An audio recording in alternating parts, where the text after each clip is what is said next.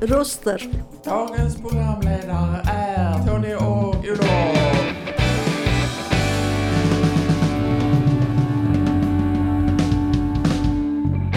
Dina röster i vardagen. Hej och välkomna till Fontänbubbel. Vi sänder från Lunds fontänhus. Denna veckas program har temat informationssamhället. Och frihet. Och frihet. Ja, Jag heter Olof och det här är min kollega. Roger? Och idag är det torsdagen den 20 januari 2022. Och eh, vädret idag är soligt med lite, med lite, med lite, lite lätt, eh, lite, lite snöflingor på marken. Och, Ehm, ja. Okej. eh, ehm, ska vi dyka in på... Jag kan säga så här. Jag känner mig peppad för att hålla podd idag. Eh, hur mår du idag, Olof? Jo, jag känner det också. Det, ehm, vi ska prata om informationssamhället idag, frihet på nätet, övervakning och... Internet of things och... Ja, jo, precis. Och eh, där, så men jag tänkte att vi börjar med att spela en låt.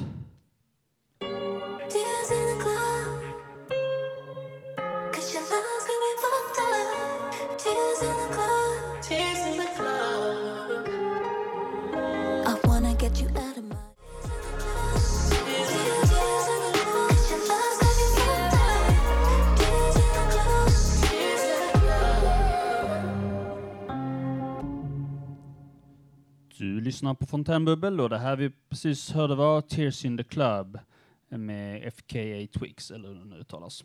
Ja, underbart. Eh, hur hamnade du här idag för att leda den här podden tillsammans med mig, Olof? Vad har du för inställning till informationssamhället?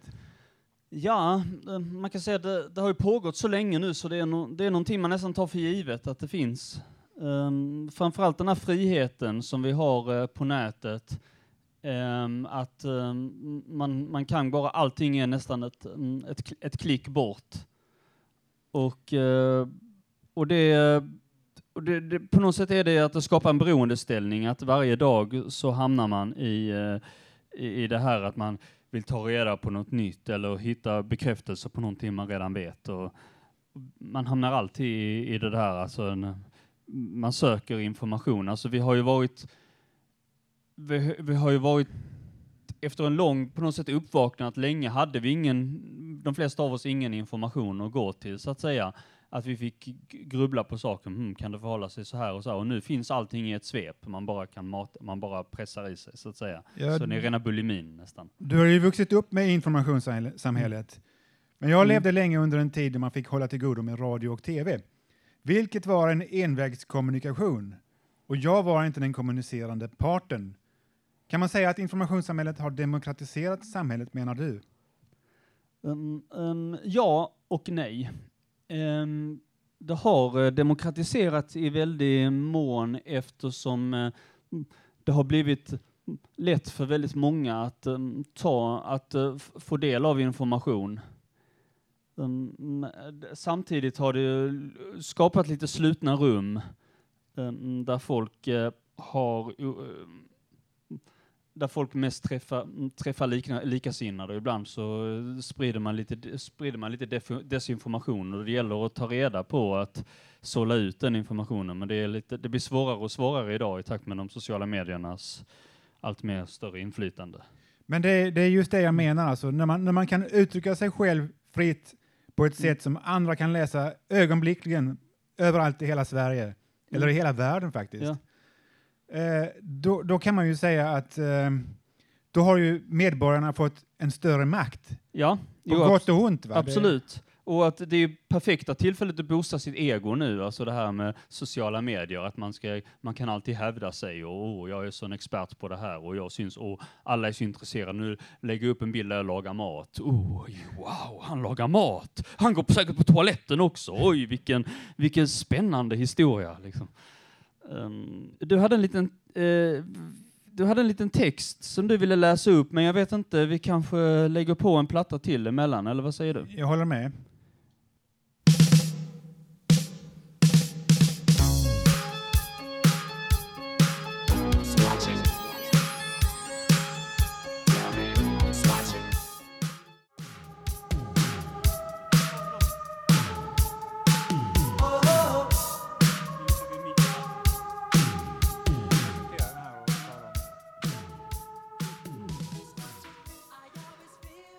Ja, det här var låten Somebody's Watching Me med Rockwell och Michael Jackson på sång och eh, det är väl lite grann det det handlar om här också idag, att Somebody's Watching Me, de tittar, de övervakar oss lite grann eh, på internet på olika sätt. Ibland har det varit, i början hade det diskussion om att det var stater som på något sätt hade olika sådana här eh, medel för att övervaka kommunikationen av till exempel säkerhetsskäl. Men nu har det mer och mer diskussionen mer och mer under senare delen av 00-talet handlat om eh, oron att de faktiskt, många sociala medier också själva har eh, övervaknings, eh, där de säljer information om oss. Ehm, men vi återkommer lite mer, men du hade en, en liten text som du ville läsa upp, Roger. Ja, det är ett par stycken här. Det är så här att Internet of Things, eller IoT, är en konsekvens av 5G-tekniken kan man säga. Den kopplar ihop med din mobiltelefon, till exempel din kattlåda, din bebis hälsostatus, din vattenkran, din toalett, ditt sovrum, till och med din fertilitetsstatus som kvinna. Alltihop samlas in av Google och Google är inte en ideell organisation. Google tjänar pengar på att sälja all den här ofta intima informationen i det fördolda till företag som vill sälja produkter och tjänster till dig. För mig är det djupt stötande. Och inte blir det bättre om informationen sedan tilltvingar sig av stater eller myndigheter inom stater om det skulle anses vara ett hot mot dem. USA har blivit en djupt dysfunktionell stat. En dysfunktionalitet som började med George W. Bushs Patriot Act och fortsatte med utvecklingen av det finanspolitiska Deep State, googla, trots att USA en gång var the land of the free. Först hade vi radio och tv och det var en envägskommunikation som myndigheterna hade med medborgarna. Sedan kom datoråldern med det till en början ideella World Wide Web som gav oss Yahoo, Google, Blogger, Wordpress, Youtube, Facebook med flera och gav mycket av den makten till den lilla människan. Men politikerna satte snart emot sådana företag som Youtube, Facebook och Twitter och då sköt småplantor som BitChute och TikTok upp i skogen och de lovade mera frihet till den lilla människan i västvärlden. TikTok är dessvärre kinesiskt ägt och väldigt kontroversiell eftersom den riktar sig till tonåringar utan att kontrollera innehållets lämplighet, trots att den censurerar politiskt innehåll. Tror du, Olof, att Internet of Things kommer att skifta över makten från den lilla människan tillbaka till myndigheterna? Eller ännu värre, till storkapitalet? Och är det en dålig sak enligt dig? Eh, Alltså om första frågan då, om det kommer hända. Um, det har väl redan börjat så lite grann. Alltså, mm, det, det finns ju, det var ju någon som hette Shoshana Zuboff som skrev eh, en bok som hette The Age of Surveillance Capitalism, där hon varnade för den, den här så kallade övervakningskapitalismen, där de säljer information till varandra. Um, och uh, uh, och hon, um, hon manar, hon har en ganska dystopisk skildring, alltså även om hon, har, hon har väl lite lösningar, att hon tycker att det ska vara liksom så här överstatliga organ som tittar på det, men mm, generellt så är den ganska dystopisk vad jag, förstått, vad jag förstått och vad jag har läst om recensionerna också av mm, själva boken. Ehm, men eh, men sen har det varit, jag har en ledare här framför mig ehm, som är skriven eh, av Joel Harder. Halldorf på ehm, Expressen eh, som menar att eh, det här är priset för en långt gången individualism. Att, eh, att, vi, inte rikt, att vi inte riktigt, mm, att det är lite lite tabu mot att prata om det här att det får konsekvenserna av att vi eh, blir eh, att, att vi ger, ger upp och att vi blir i, makt, i makten, hamnar i makten på andra och att man borde ha mer eh, gemenskaper. Jag vet inte riktigt hur han tänker sig att det ska se ut. Eh, men eh, som jag ser så är ju problemet här lite grann att mm, här är det ett rättslöst system, alltså det är information som ingen är skyddad. Det var som vi pratade här om på lunchen idag, att det fanns sådana här cookies som man pratar om, då, får man ofta på sådana här sidor att eh, man har cookies som man godkänner och, Eh, när man ska läsa, men om man rejectar dem, det vill säga att inte godkänner, då, får man inte lov överhuvudtaget, så man är nästan utpressad då att man måste, även om man, så även om man läser igenom det här och undrar, och, och det kanske skulle hjälpa en del, så är man ändå på något sätt, så är man ändå under lite, lite sådär styrd på något sätt som konsument. Och, och det är inte, jag är inte säker på att eh, folk kommer finna sig i det i längden. Och eh, det här är ju ett, som sagt, alltså en del kommer ju från USA men också från Kina. TikTok har ju sin, eh, som sagt, men vi har de stora jättarna då som Amazon och Facebook och Google. Eh, och eh, det är för så amerikanska, men det här är något, det här är något skede i den här, i eh, kapitalismens utveckling, eller en avart kan man säga, där det är rätt, där det är så att säga inom eh, ganska rättslösa för att det inte, är, det inte finns någon reglering på området eftersom det är helt ny teknik och eh, det är li, liksom lite, lite som Kinas eh, e- ekonomi där, där, de har, eh, där, där de har marknadsekonomi men ingen, eh, ingen rättsstat. Men du Olof, Ja. eh, om man nu tar, eh, har överstatliga organisationer eller myndigheter som, som övervakar eh, storkapitalet, Ja. har man då inte bara flyttat problemet från en, en övervakare till en annan? Jo, jag, jag skulle säga det att jag lyssnade faktiskt på en podd igår som, som handlade li, lite om den här information och övervakningskapitalismen och eh, förmodligen en, eh, och, och det var många som lyfte fram det att eh, det fanns de som lyfte fram det att ett, eh,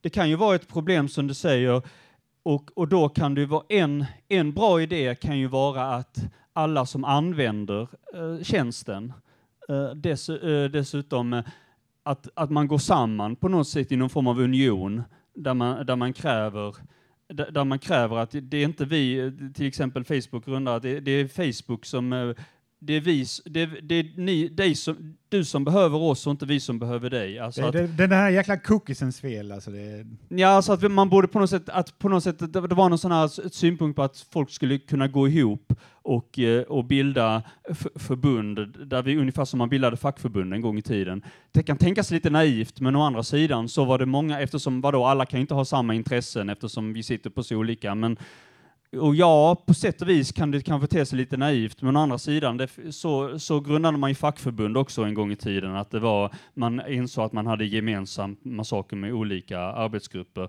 Men jag tror nog att det är en kombination här, att man kan dels ta Lisa på det individuella perspektivet, men man kan också ha någon, att, att, att, att man har något organ som på något sätt övervakar. Jag tror att, och, och så kanske förmodligen måste det lite till annat också. Eh, Jag tänker vi lägger på en låt så fortsätter vi. det Så. låter som en bra idé.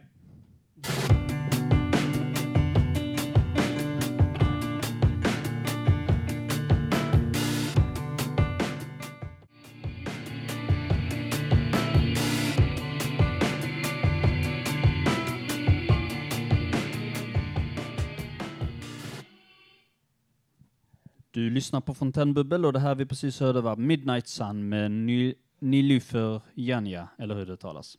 Ja, och nu har vi kommit till den punkt i dagordningen där vi skulle bjuda in publiken. Japp. Vi har en första gäst här och vad heter du? Jag heter Peter. Vad har du att säga om informationssamhället och frihet och Internet of Things? Och... Ja, jag, jag reagerar lite på vad du sa innan Roger, att eh, om man lägger upp något på nätet så är det ögonblickligen tillgängligt för alla människor. Det stämmer till att börja med, men det kommer till en gräns eh, där det är för mycket information på nätet. Mängden information gör att alla inte får del av det, utan man, man har bara en viss begränsad möjlighet att ta in information som människa. Det stämmer ju och eh, Och då, då, då, då kommer jag till en idé att, eh, och så jag måste också säga det här att eh, när det gäller frihet på nätet så måste man också tänka framåt för att det är så eh, hårt kopplat till ny teknik. Så att man måste tänka vad kommer att hända inom de närmaste 10, 20, 30 eller 40 åren. Det där är ju ett psykologiskt spel mycket mellan människor och eh, teknikföretag och myndigheter och så. Det, den som anser, alltså jag har ett, ett ordspråk, det går så här. Eh, den som, eh, eh ordet är fritt och den som äger ordet har makten. Och det är så lite grann man kan beskriva det kanske. Det, alltså vem äger ordet? Är det den enskilde lille bloggaren eller Youtube-kanalen? Eller, eller är det Youtube och myndigheter? Eller det, det, det är liksom, hur, hur upplever de att, att makten är fördelad? Just det, eh, och eh, då kommer jag också fram till min eh, framtidsvision eller förutspåelse att det kommer att utvecklas AI. AI kommer att kunna behandla information tusentals gånger snabbare än människan. Och därför så kommer den här, om det är, om det är myndigheter som idag har svårt för att sålla bland alla, all information och verkligen få koll på varje människa, så kommer AI att kunna göra att man som myndighet kommer att kunna ha koll på varje människa eh, med ett AI-filter som, som säger till kanske en myndighetsperson, här har vi en person som eh, inte följer reglerna, så blir det Jag, jag är mest, konsekvenser. vet, vet du vad jag är mest orolig för? Det är att NSA och eh, DIA, alltså Defense eh, Intelligence Agency, militära underrättelsetjänsten i USA, CIA och de där, ska kunna liksom, när Internet of Things blir verklighet och vi kör omkring i självkörande bilar, då kan de bara kapa den här eh, eh, bilen och köra in den i en vägg eller någonting sånt där, om de inte tycker om den som, tycker om den som åker i bilen. Alltså, Ja. Sådana där saker får man ju tänka, det, det är att tänka framåt lite grann tycker jag, men jag tror det kommer att gå dit. Alltså, det, det har ju visat sig att eh, eh, NSA och, och andra organisationer, amerikanska organisationer, tar varje tillfälle att, eh, även om det är kontraproduktivt, eh, dra fördel på oschyssta sätt. Till exempel spionage, de spionerar mot Sverige och Saab. Och, men det är ju, det, är ju det, det, det, tror jag liksom kommer att, vi kommer inte få se ett slut på det här på, i det första taget. Det kommer nog bli värre. Allt den här eh, stölden av information och eh, missbruk av information och, och sådana här saker.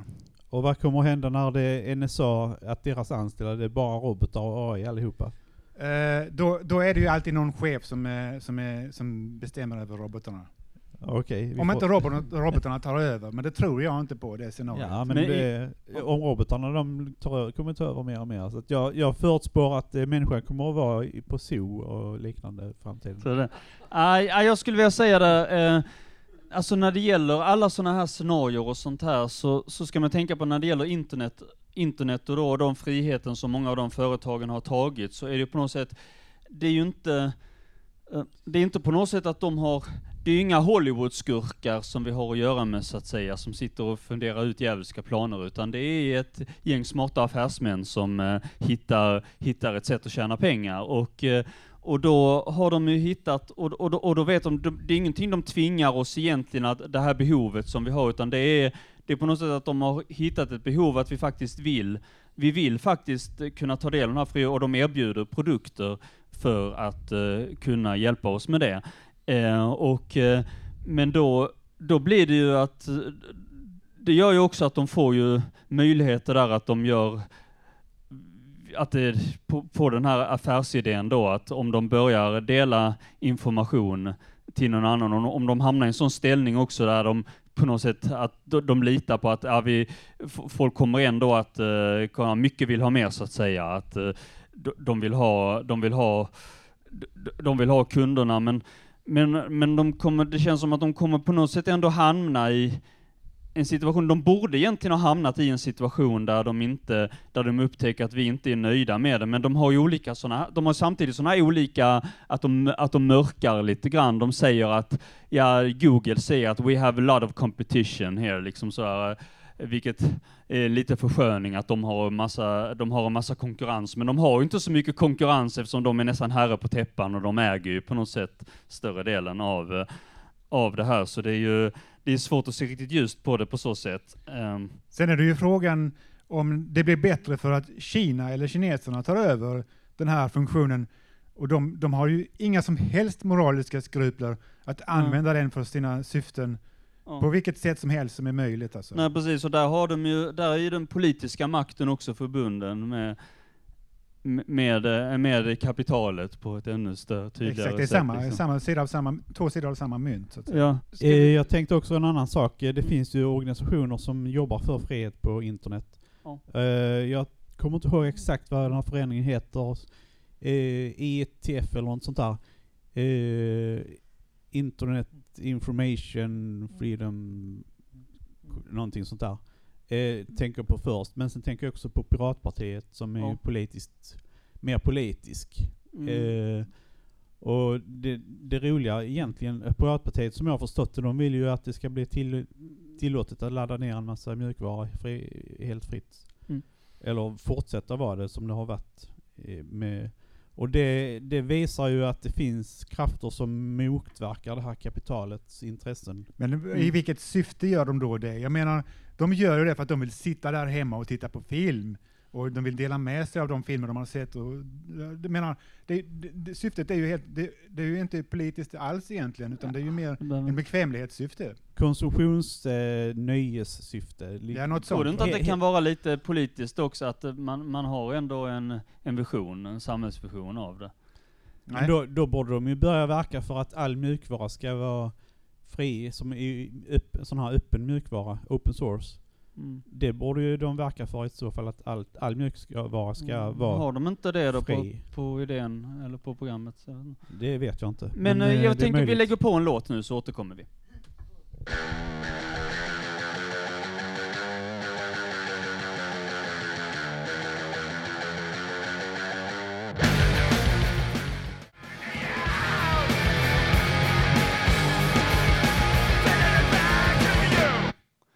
Du lyssnar på Fontänbubbel och det här vi precis får höra var Naked in front of my computer. Eller in front of the computer med Faith No More. Då har vi en ny gäst här som är på... Hej, välkommen. Eh, tack så mycket. Vad heter du? Mikael heter jag. Eller ni känner ju mig, men nej det gör ni inte. Publiken kanske inte känner dig? Nej, nej det är så här att eh, ja, jag tycker att ni var lite ifrån ämnet här, men, men Mm. eh, det är kanske är svårt att förstå vad ämnet handlar om egentligen. Kan du förtydliga det mer? Att det var det här med internet och att vi, vi har tappat vår frihet tack vare internet då. Ja, många, många, det är många aktörer som, eh, som är missbrukade, som på något sätt eh, vi- eh, vilseleder, och som, eller som passar på att när det, det finns ett kryphål att, att eh, tjäna extra pengar på att dela information. Och information är ju eh, ett, eh, ett, eh, en handelsvara helt enkelt. Ja. Jag, jag tänker så här då att internet eh, och eh, den här eh, maskinvaran eller hårdvaran, det var ju egentligen det var militär utrustning från början. Så att eh, jag vet inte hur många som känner till det, men, men jag tror faktiskt att internet är egentligen ett företag. Jo men det stämmer, de hade till exempel Sovjet hade ju... Nej, nej, det är ett amerikanskt eh, företag inom, jag tror, ehm, eller i alla fall det var, amerika det- det, det- var amerikanska militären som utvecklade först i alla Jag, fall. jag tror inte det. Jag tror det var universiteten som utvecklade först. Och eh, som, eh, det, var- alltså, eh, vad heter det, när det är fritt från, från obehöriga myndigheter och, vad heter det, alltså, det var, det var inte styrt, utan det var, det var ett sätt att dela information mellan universitet som snabbt, snabbt spred sig till resten av världen. Det började i USA givetvis, som allt annat. Eh, får jag fråga dig Roger, vad, vad menar du när du pratar om det där googla på Deep State och, och eh, Donald Ja, Trump? ja alltså, om man inte vet vad deep state är så kan man googla på det. Eh, jag har ju den uppfattningen att Deep State det handlar om vad skillnaden på vad som är privat och vad som är offentligt då, att man, man beskriver staten som en privat eh, organisation då. Att eh, staten har, en stat i staten då, att den delen av staten som är privat är the Deep State. Alltså, the deep state, det är väl, det är väl en, en form av eh, eh, alltså, politisk finansiell maktcentrum som, som styr folket i den riktning de själva tycker är lämpligt eller som de vill. Kanske i egens, i, i, för att starta ett krig eller för att, eh, för att eh, vidmakthålla makten eh, vid en viss begränsad mängd individer som, eh, förlåt, människor. Eh, som, eh, ja, alltså det, det är väl en form av intern maktstruktur som de vill bibehålla. Ja, det, är- det, det är någon annan som sätter agendan än själva de här vanliga politikerna då, för att de är, de är tomtar. För de vanliga politikerna, de är i det offentliga då. Men, men de där riktiga politikerna, de svarta politikerna som är i deep state, de är, de är privata då. Ja, men i- Metaforiskt menat. Ja. Eh, Att, att det är så privat så att det får inte offentligheten veta någonting om. Ja, jag vet inte. eh, Det, du kan inte blanda privat, det som är privat med det offentliga. Jag förstår inte riktigt vad du menar Mikael, men vi skulle kanske... eh, Ska du eh, avsluta nu och köra en låt? Ja. Ja. Ja, vi, vi kör en låt nu emellan så.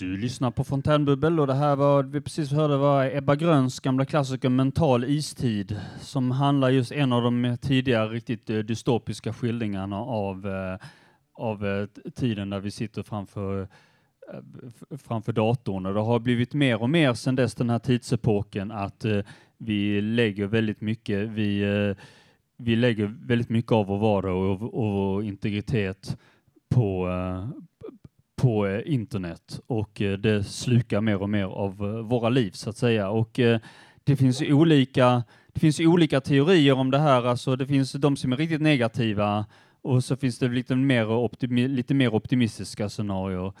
Eh, och eh, där, kan man väl säga att eh, det är eh, lite, det blir lite svårt att eh, vi måste ju, vi befinner oss i ett läge där vi inte är, där vi så att säga måste godkänna allting och läsa igenom olika sådana här eh, g- använda villkor och cookies för att komma vidare och, och, och då blir det ju att vi riskerar att bli lite rättslösa på så sätt. När, när det Eh, står så, eh, har du förstått det här så, så, så är det världens största lögn för man säger alltid ja och klickar vidare. Ja. Man har inte förstått någonting för man har inte läst det. Men vi har en Ja, gäst här. en som gäst här vi, som vi, vi- Vad heter du? En liten vinkling på det här med frihet och internet. Och det är att jag tror att det har gått så långt så att vi kan inte välja bort internet idag. Fler och fler myndigheter väljer att lägga saker och ting på nätet och har man inte bank-id till exempel så är man rätt körd. Ja, tack. Ja. Vi har också en annan gäst här som heter? Rosmarie. Hej, vad har du på hjärtat? Jo, det är så att jag tror att faktiskt vi har en frihet på grund av att vi bestämmer själv till exempel vad vi vill lägga på Facebook och Instagram och Twitter. Där tycker jag vi har en frihet. Men vill vi ha andras reaktioner, då kanske vi lägger upp någonting så andra reagerar. Men det är vår frihet fortfarande, tycker jag. Det är ju eh, den friheten vi har haft fram till nyligen kan man säga. Eh, man ansågs väl, eh, det ansågs väl att makten hade förflyttats från, från eh, myndigheter och, och till privatpersoner. Mm. Eh, men, Till individer. Ja, till, och, vad, har du någonting att säga om, om just Ja, det? där har men, men där som sagt är det ju lite, man, hade ju, man, var, ju- man var ju orolig under 2000-talet, de- här eh, personer som då var väldigt oroliga, åh, eh, FRA-lagen, det kommer ge politikerna större möjligheter att övervaka internet och, och en massa. Och, men, men man tänkte inte just i den vevan, samtidigt så, så framkom det samtidigt att Facebook eh, över, eh, övervakade information och eh, sände den vidare. Och, eh, och då blir det ju lite då är det lite svårt att samtidigt, om man samtidigt tar del av en tjänst som, som där, ett, där ett privat företag ägnar sig åt precis den övervakning som man är rädd att staten sysslar med. Ehm, då blir det lite paradoxalt. Ehm, och eh, vi har en ny, vi har, men vi har en ny gäst som vill prata. Välkommen upp. Vill du presentera dig? Mitt namn Börje. Ja, jag tillhör eh, åldersgänget här och har väl kanske med eh, ålderns rätt lite andra reflektioner kring detta ämne. Jag tycker att eh, när man har kommit upp i min ålder så känner man att eh, tiden går ifrån en. Man kan inte ta del av all den utveckling och information man får utan man söker sig ett sätt att värja sig från information och söker sig kanske till mer mera bildningsliknande medium. Och då kan man fråga sig, finns det någonting kvar av det här eller är det bara som jag skriver, utvecklingen går som foxtrot, två steg framåt, ett tillbaks. Men idag går det inga steg tillbaks, utan vi går bara framåt och vår tillvaro går ut på att hela tiden vara steget före för att vara med i utvecklingen. Klarar vi inte av det så faller vi bort. Det finns ju sådana saker som komvux till exempel, där man har eh, så att säga analoga möten och undervisning och så här som man kan ta del av eh, även som äldre då och då lära sig på samma sätt som yngre kan lära sig från internet. Och det är precis det jag söker, det är forumet för att sitta tillsammans och dividera om och resonera fram vad vi kan tycka. Men sen kan jag också tänka mig det att ungdomen idag är så infiltrerade utav den informationen som de får och känner sig tvingade att, ta delaktig, att vara delaktig i någonting som de egentligen försöker att värja sig från. Ja, jag tycker nog det är många som eh, lever sig in i det med liv och lust och tycker om, älskar internet och sitter Ja. vid datorn åtta timmar om dagen. Mm. Men då, då står det i konfrontation med vad skolväsendet har för förhoppningar om framtidens ungdomar. De får inte tid att analysera vad, vad de egentligen vill. Och det vore en, en gudagåva om de fick lämna algoritmernas värld. För Kanske- några veckor kanske bara lyssna på det som fortfarande finns kvar. P1 och De, P2. de kunde ju vara mentor åt äldre personer när det gäller Det kommer just de att vara om de får chansen att yttra sig i ett sammanhang där de får ta del av algoritmfria medier som finns fortfarande kvar. Så det finns det en möjlighet att ungdomarna kan ställa krav på lärarna. Lärar. Jag tänker att vi lägger på en låt, eh, men vi hänger gärna, hänger gärna kvar. Så.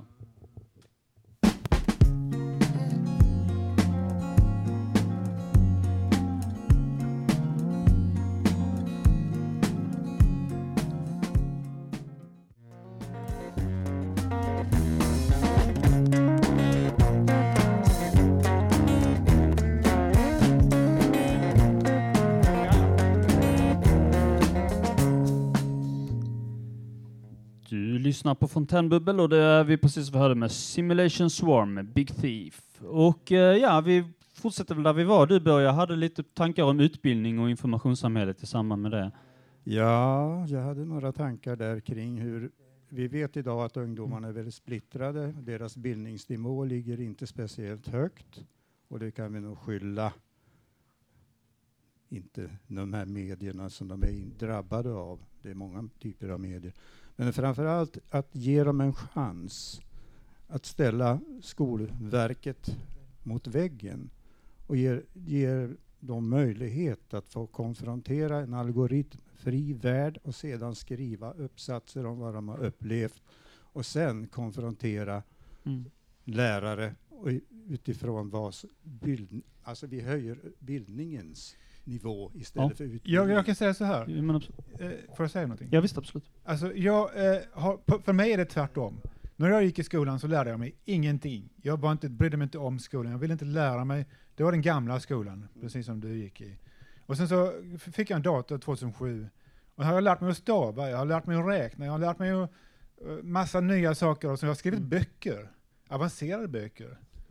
Alltså jag förnekar ingenting utav det där, alla möjligheter som finns. Vi lever i möjligheternas värld och du har nyttjat dem på ett bra sätt, det tror jag säkert. Jag lärde mig själv tangentbordskrivning redan när jag var nio år gammal.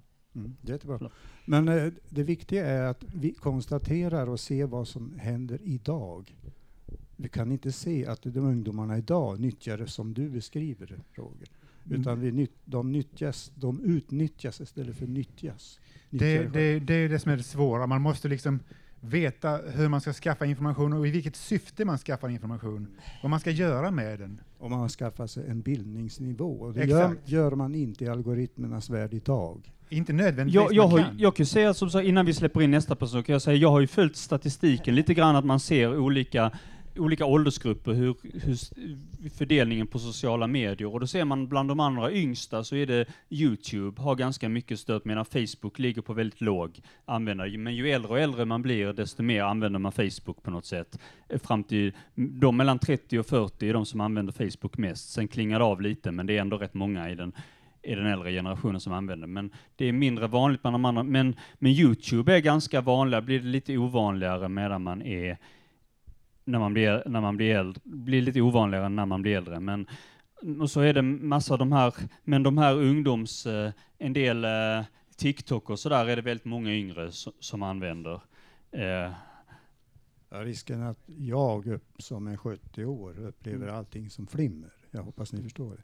Mm. Men jag, jag måste erkänna att jag utnyttjar en del av dem. Mm. Youtube är ganska vanligt.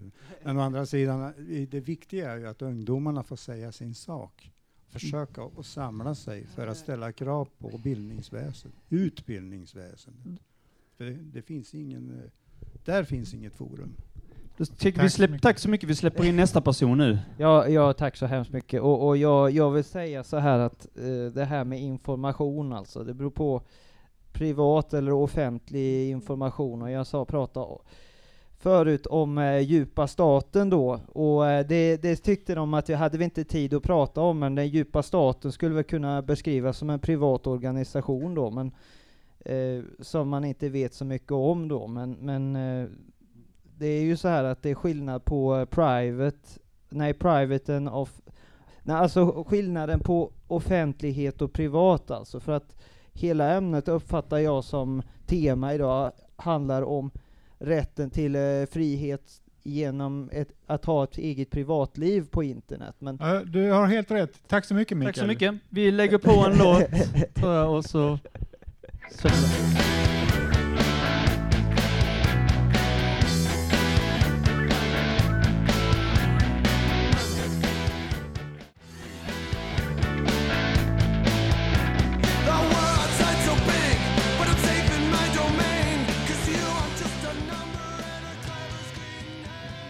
du lyssnar på Fontänbubbel och det här vi precis hörde var I Love My Computer med Bad Religion. Ja, då ska vi börja sammanfatta programmet Ja, det, vi kan ju säga så att jag heter Roger och du heter? Eh, Olof. Och vi har bakom eh, mixerbordet har vi Per. Och vi, vi ska tacka alla som har varit med idag. Och det är Mikael, det, det är först... Eh, eh, Rosmarie och Malou och Peter och Mikael och Börje också. Det stämmer. Plus publiken som också, utöver det, så tackar vi att ni har stöttat oss. Um, ja, um, då, men då tänkte jag att då kör vi, då avslutar vi med att köra en låt som handlar om eh, uh, också, också ett internetfenomen som som egentligen inte är ett internetfenomen men som är ännu lättare att göra med internet och det är stalking så att säga. Och det är Eh, the Police gamla klassiker Every Breath You Take. Tack så mycket. Vi ses nästa vecka. Tackar. Ha det bra.